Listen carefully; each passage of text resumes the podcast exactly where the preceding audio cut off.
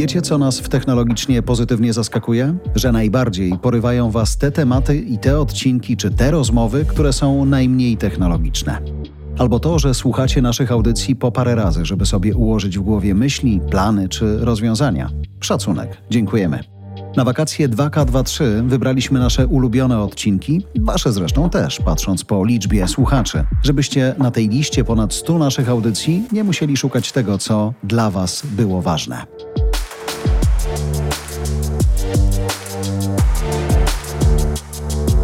Burze mózgów to przeszłość.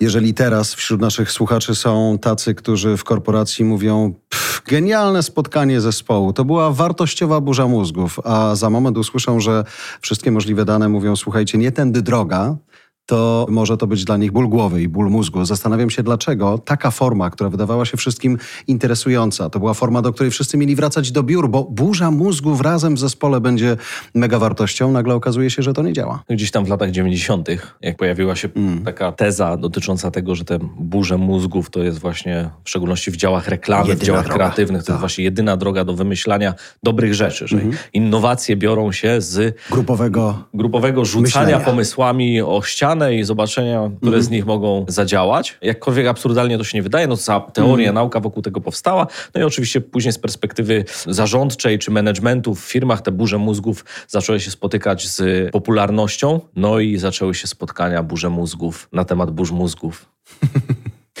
Dzisiejsze badania, z którymi przychodzimy, pokazują, że nie tędy droga. I zastanawiam się, nie chcę się z nimi kłócić, ale zastanawiam się, co się takiego zmieniło, czy w sposobie prowadzenia zespołów, czy w potrzebach, które płyną z takich właśnie burz mózgów w starym wydaniu, że droga prowadzi zupełnie inaczej do osiągnięcia pewnie podobnego celu. No bo gdzie leży problem w samym brainstormie? Albo inaczej, jaka jest potrzeba? Skąd się bierze potrzeba na brainstorm? Bo to jest moim zdaniem najważniejsze. Jak tak? Czyli... przypomnę sobie Jobsa na przykład, tak? wielokrotnie podawany jako przykład case, gdzie każdy właściwie, kto krążył po biurze, był dopraszany do pokoju, w którym brainstormowano na jakiś temat i nagle się okazywało, że sprzątasz X wymyśla jedną rzecz, a sprzątaczka Y podpowiada kolejną rzecz no i ileś mózgów składało się na to, że oto kolejny device Apple'a jest piękny. No super teoria, tylko to w większości nie działa tak, że suma pomysłów mhm. daje ci jeszcze lepszy mhm, pomysł. No tak. jak dodasz jeden pomysł do drugiego mhm. pomysłu, do trzeciego, do czwartego, to to będzie genialny pomysł. Bo gdyby tak było, to zaprosiłbyś 100 osób, ogromne, 100 tak. osób na spotkanie i każdej osobie kazał generować pomysły, po czym po 100 osobach wymyśliłbyś najfajniejszą rzecz na świecie. No ale jakoś tak dziwnie się składa, mm. że ten model nie działa. No i teraz jest pytanie dlaczego? Bo jeżeli jakby skąd się w ogóle bierze potrzeba na brainstorming, mhm. czyli na generowanie pomysłów, bo brainstorming jako taki to jest jakby technika twórczego rozwiązywania problemów. Taka jest jakby definicja, gdzie czasami grupy czasami jednostki generują dużą liczbę pomysłów w krótkim czasie po to, żeby ją ocenić i wartościować. No i teraz z taką metodą jest kilka, co najmniej kilka, problemów. No bo wyobraźmy sobie sytuację, że spraszasz na sesję brainstormingową dotyczącą na przykład strategii twojej firmy, mhm.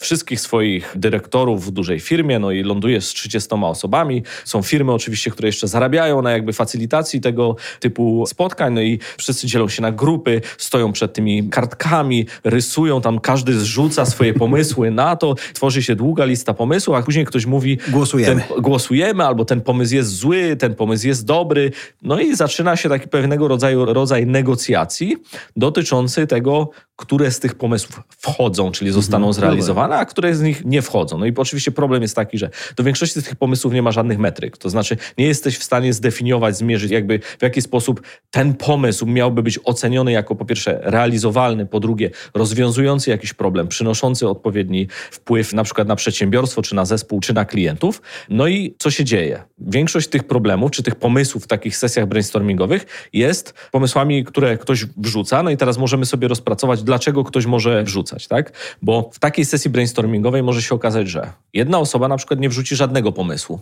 Dlaczego? No bo może się obawiać na przykład mm. reakcji pozostałych osób.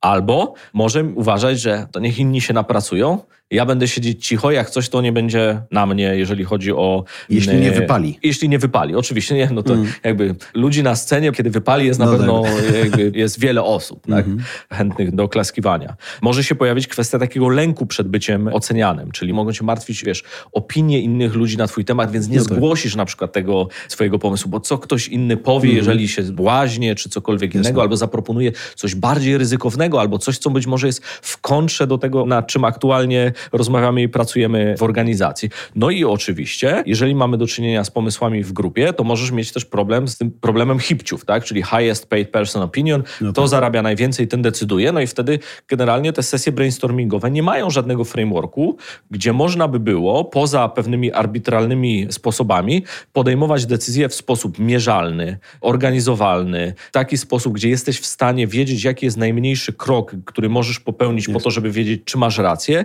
I oczywiście są też rzeczy mało popularne, o których mało się mówi, jeżeli chodzi o brainstorming. Na przykład nie wszyscy w danej grupie mogą intelektualnie wnieść tyle samo pracy, co inni.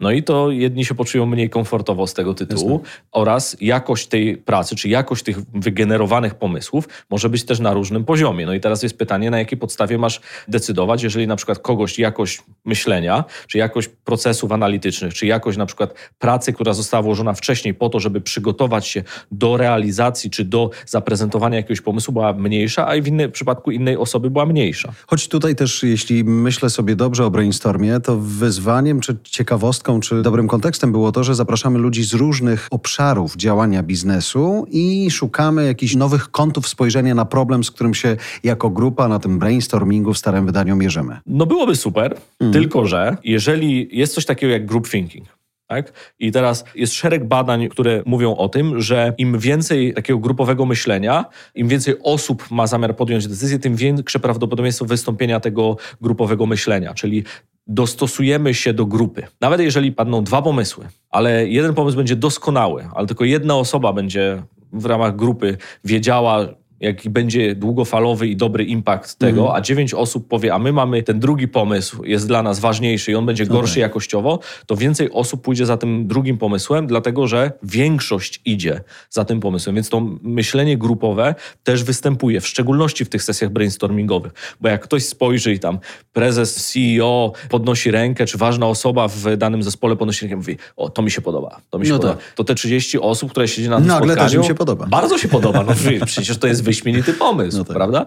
I mamy do czynienia jakby z takim rodzajem myślenia grupowego i niekoniecznie to może dobrze zadziałać, tak?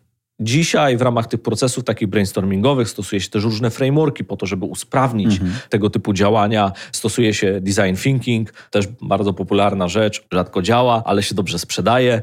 Wydaje się, że sam brainstorming tak mocno się zakorzenił jakby wewnątrz firm jako taki nawyk do spotkań, kiedy trzeba coś wymyśleć i podjąć decyzję, że bardzo często jest używany jako metoda do tego, żeby zmyć z siebie na poziomie indywidualnym odpowiedzialność za podjęcie ryzykownej biznesowej decyzji na rzecz grupowej decyzji, która będzie gorszej jakości, dłużej realizowana w czasie, z rozmytą odpowiedzialnością, no ale jaka będzie? No, no wszyscy przecież tego Dokładnie. chcieliśmy. Nam nie wyszło. Jeżeli tak, nam nie, nie wyszło. A, bo rzeczywiście łatwo będzie znaleźć tego jednego zwycięzcę jeżeli to będzie działało, ale jest szczególnie dzisiaj patrząc po środowisku rozproszonym. Ja mówiłem na początku, że te brainstormingowe kwestie były podnoszone, kiedy mówiono, słuchajcie, warto spotkać się będzie w biurze, albo warto będzie wyjechać gdzieś i spotkać się, żeby razem wspólnie popracować.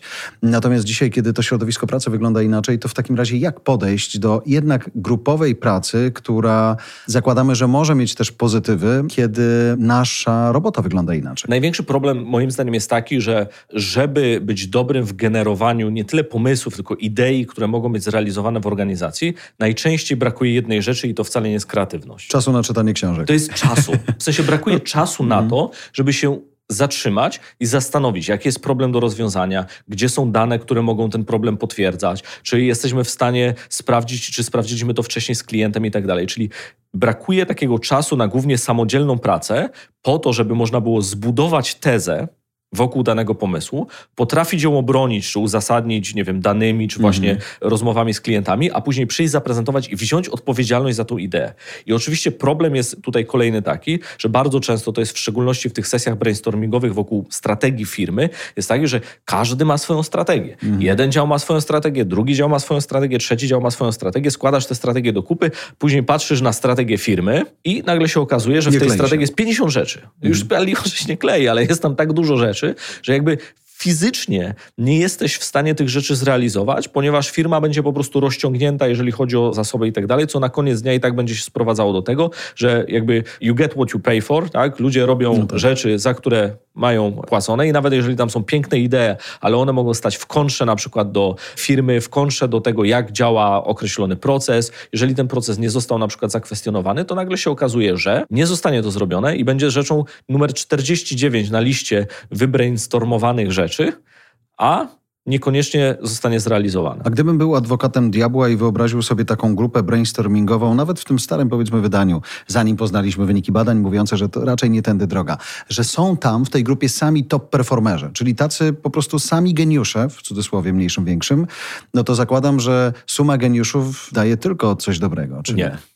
Nie, właśnie nie. Bo zobacz, na koniec dnia problem nie polega tylko i wyłącznie na tym, żeby wymyśleć jak najlepszy pomysł, mhm. tylko wymyślić pomysł, który ma największy impact spośród listy rzeczy, które masz aktualnie do zrobienia, potrafić go przeprowadzić przez organizację, tak? potrafić go zmierzyć, czyli dla całej organizacji powinien być, i to jest jeden z najczęściej popełnianych błędów, Większość organizacji nie ma wspólnego mianownika o tym, jak mierzyć sukces. Okay. Tak? Czyli metryki w organizacji są rozproszone. Zespół sprzedaży posługuje się innymi metrykami, Marketing zespół inaczej. marketingu innymi metrykami, zespół produktu innymi, zespół engineering innymi i tak dalej. I nawet jeżeli to są inne metryki, to później się okazuje, że im bardziej patrzysz na całość organizacji, tym bardziej brakuje tego wspólnego mianownika.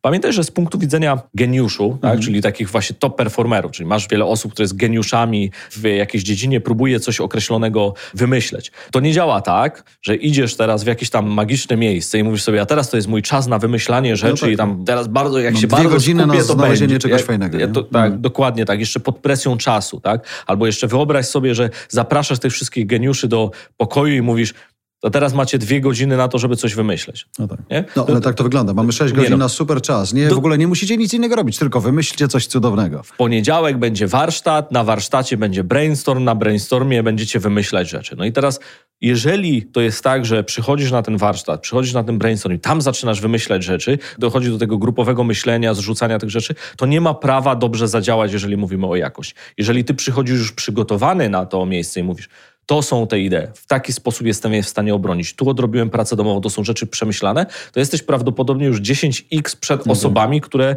tam się znalazły na zasadzie o, patrzę na swój kalendarz w poniedziałek rano, to dzisiaj mamy brainstorming do strategii elegancko. Mhm. Tak? Nic nie muszę robić. Nic nie muszę robić, przyjdę i no zacznę tak. tam wymyślać. I zobacz też, że o co chodzi z jakością dobrego myślenia, tak, w perspektywie jakby geniuszu. W umysłach geniuszy tak naprawdę znajdujemy nasze myśli, czy myśli wszystkich mhm. ludzi, nasze myśli, które po prostu zostały kiedyś zaniedbane. Tak? Czyli to nie jest tak, że geniusz jest jedyną osobą, która daną rzecz wymyśliła, bo tylko ona o tej myśli. Bardzo często o danym problemie myślą setki, tysiące, dziesiątki tysięcy ludzi, ale ktoś, kto nie zaniedbał jednej z tych myśli w swojej głowie, doszedł do na przykład jakiegoś przełomowego odkrycia, wypracował coś arcyciekawego. Ale żeby to się wydarzyło, to co pokazują badania, jeżeli mówimy o takim kreatywnym myśleniu, wymyślaniu nowych rzeczy, dochodzeniu do wniosków, jest to, że potrzebujesz czasu na nie myślenie, no kiedy tak. to myślenie po prostu pojawi się samo, będzie w twojej głowie. Stąd te, jakby ktoś pod prysznicem hmm. wymyśla ciekawe rzeczy, jeszcze inna osoba pod jabłonką. Na, fo na, fotelu, pod jabłonką, jeszcze inna osoba będzie na fotelu u Barbera, gdzie może się zrelaksować i pomyśleć o rzeczach,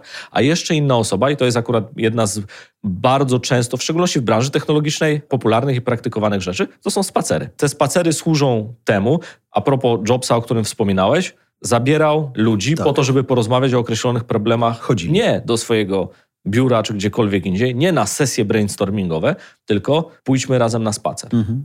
I na tych spacerach dochodziło do jednych z najważniejszych rozmów, gdzie zapadały najważniejsze decyzje.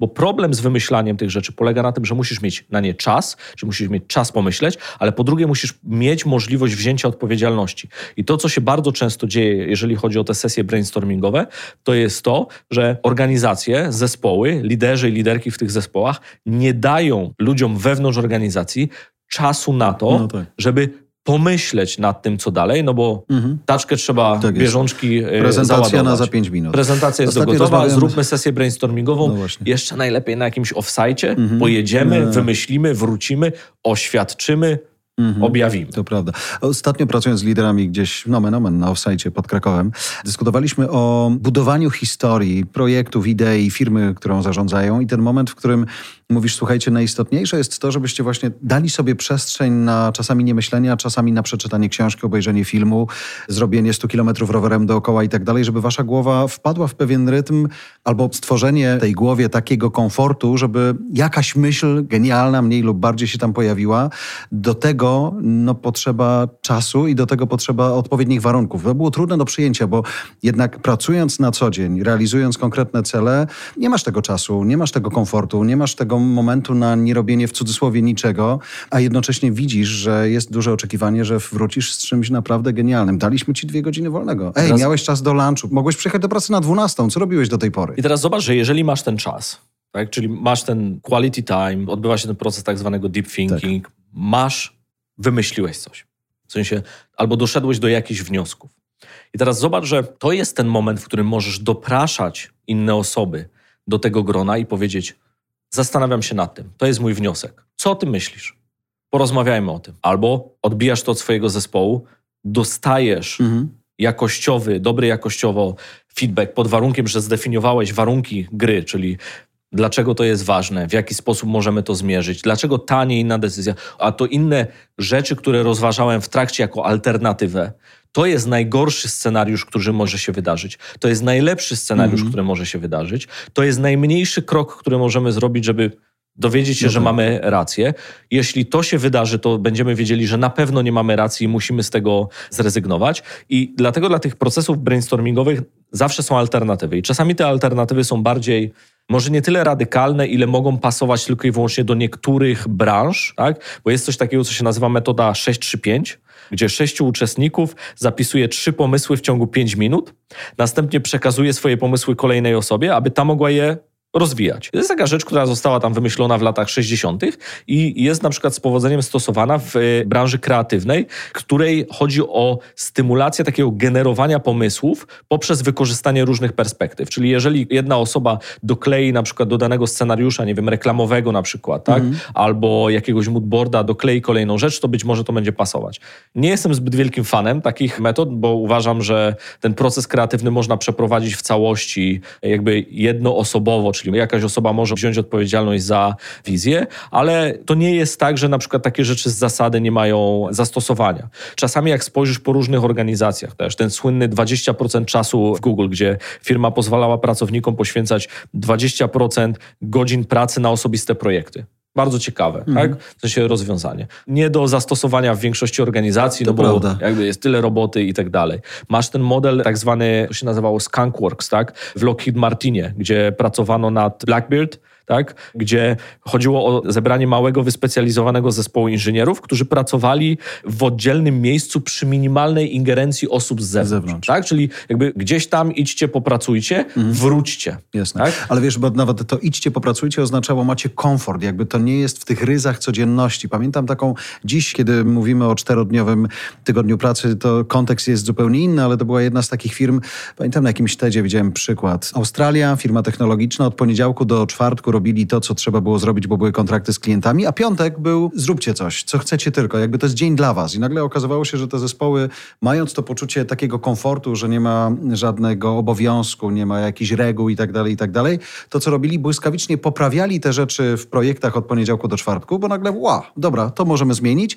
I wtedy ta wolna głowa i ten zupełnie inaczej skonstruowany dzień dawał im przestrzeń do tego, żeby pracować inaczej. Ja bardzo lubiłem taki model stosować piątki na edukację. Aha. Cały piątek jest przez zespół na wzajemną edukację. Każda osoba, oczywiście w zależności od wielkości zespołu, w piątki były po prostu opowiadanie o tym, co ciekawego ostatnio się nauczyliśmy. Czasami to była książka, którą przeczytaliśmy, no tak. czasami to był ciekawy artykuł, mhm. czasami to było ciekawe narzędzie, ale chodziło o to, żeby każda osoba miała okazję pokazać innym osobom, czego ostatnio się nauczyła ciekawego.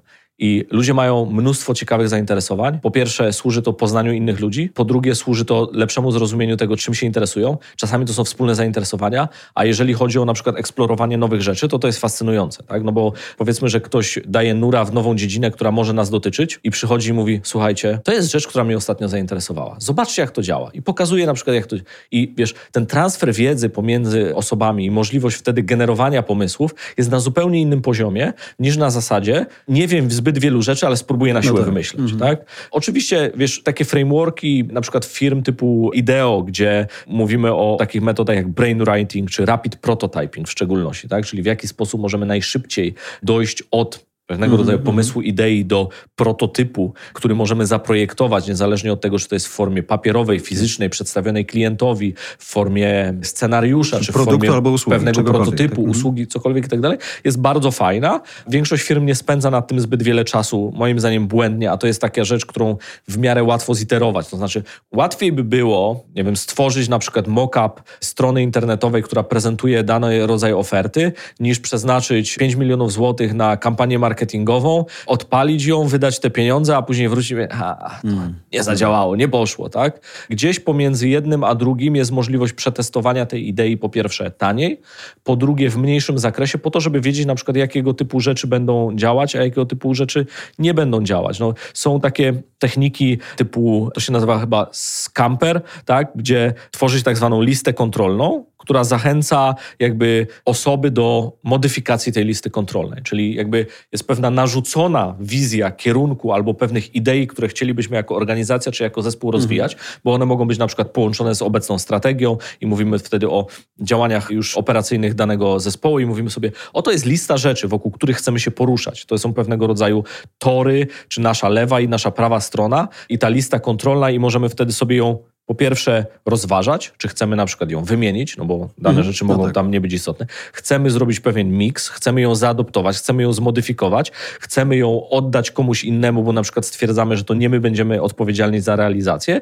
I to jest taka metoda na przykład, która promuje bardzo systematyczne podejście do firm, które na przykład mają problemy ze skupieniem się na realizacji niewielu rzeczy, a zazwyczaj chcą realizować bardzo duże rzeczy i nie potrafią się skupić. Czyli jest pewna lista kontrolna i później się okazuje, że jak przychodzą rzeczy do zrobienia i ktoś jest w stanie zobaczyć tą rzecz i powiedzieć, czy ona pasuje do tej listy kontrolnej, którą sobie uzgodniliśmy, mm -hmm. nie, nie pasuje, to teraz nie robimy tego na przykład, albo jesteśmy w stanie temu klientowi powiedzieć nie, dlatego że on na przykład nie pasuje do naszej wizji. No i oczywiście ta metoda, która moim zdaniem jest jakby metodą najskuteczniejszą to jest ta metoda, która się ładnie nazywa brain writing. Wracając teraz do początku, czyli przychodzimy dzisiaj do naszych słuchaczy i mówimy im, słuchajcie, to o czym myśleliście, że jest super rozwiązaniem, zbadano i okazuje się, że raczej nie tędy droga, czyli do brainstormu w tym tradycyjnym wydaniu. Jak w takim razie doprowadzać w firmach do powstawania super pomysłów, super produktów, dawać więcej wolności ludziom, dawać więcej czasu na samodzielne, ale kreatywne myślenie, dawać więcej przestrzeni na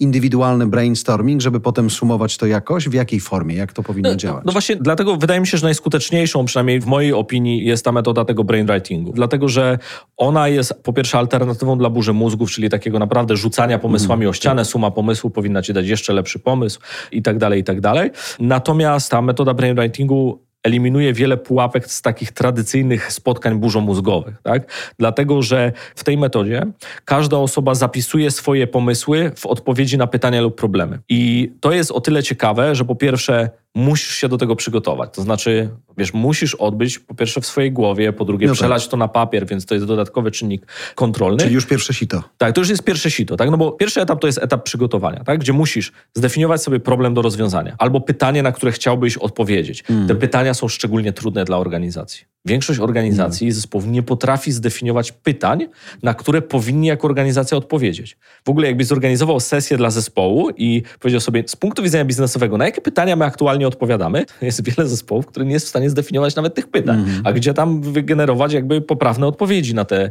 pytania. Dlatego łatwiej jest rzucać pomysłami o ścianę, dlatego że pomysły mogą wynikać z jakichś bieżących rzeczy, z wydaje mi się, z takiej, wiesz, możliwości ukrycia naszego pomysłu w gąszczu mm, innych, innych rzeczy rzeczy.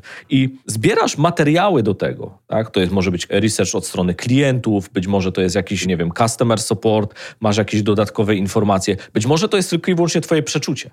Być może to jest twoja wizja jako osoby, która dany produkt mm. buduje, prowadzi i tak dalej.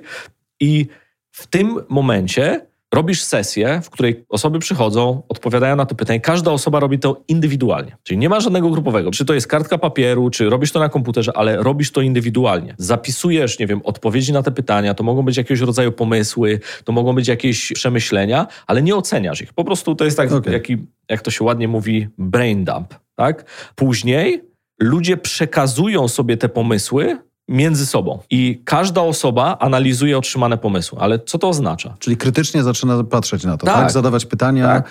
Ale nie masz możliwości do pytania. Okay. Nie? No bo zaczynasz analizować. Mhm. Nie? Więc co to oznacza? Że osoba, która pisze te pomysły, musi się przyłożyć do tego, bo jak napiszesz coś zbyt ogólnego albo coś, co nie ma sensu, to kolejna osoba napisze, jakby to nie ma sensu. Więc jakość twojej pracy, tego inputu, który musisz włożyć, musi być wysokiej jakości. Więc to już zmusza ludzi do tego, żeby zrobić to na odpowiednim poziomie, bo jak nie, to ta osoba z lewej dostanie napisane rutinoskorbinem jakieś bzdury i powie, nie, to nie ma sensu, tak? W sensie, albo nawet nie mogę tego rozczytać, tak?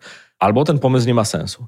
I teraz kontynuuje się przekazywanie tych pomysłów do momentu, aż wszyscy będą mieli swój wkład mhm. do tych arkuszy. I później, po tej ostatniej rundzie, uczestnicy jakby dzielą się między sobą i omawiają te wygenerowane pomysły. Ale wtedy praca już nie jest na zasadzie, wiesz, mój kawałek, kto dorzuci jeszcze i tak więcej i tak dalej.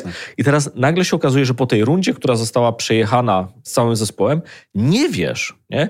Kto dokontrybuował jakąś część, więc trudniej ci jest przejść tą metodą hipciowania całego tego procesu oraz dodatkowo jesteś w stanie ocenić ten pomysł w pełniejszym kształcie, czyli każda osoba musiała w jakiś sposób dokontrybuować tego, podczas gdy w trakcie tradycyjnej burzy mózgów może 10 osób siedzieć, może być coś zapisane na ścianie i powiedzieć, dobra, nie muszę. Nie muszę, nie chcę. Mhm. Albo chcę nie się schować dzień. i tak dalej. Tak? Później masz ten etap, gdzie możesz zidentyfikować te rzeczy, które są najbardziej obiecujące i teraz bardzo ważne jest to, na podstawie wcześniej ustalonych kryteriów. Bo te kryteria muszą być ustalone przed całym tym procesem. No bo jeżeli kryteria zaczniesz ustalać po zobaczeniu tych mm, wszystkich no tak. pomysłów, no to zaczyna się znowu jakaś taka bezmyślna negocjacja interesów i tak dalej, i tak dalej. Ale jeżeli kryteria, w szczególności na przykład wspólna waluta, wspólna metryka, jaką będziemy mierzyli sukces tego produktu, czy danego działania, czy danej strategii, którą chcemy sobie, czy pomysłu, który chcemy zrealizować i później częścią, i teraz zobacz, bo to jest bardzo rzadko częścią w ogóle procesów tych brainstormingowych,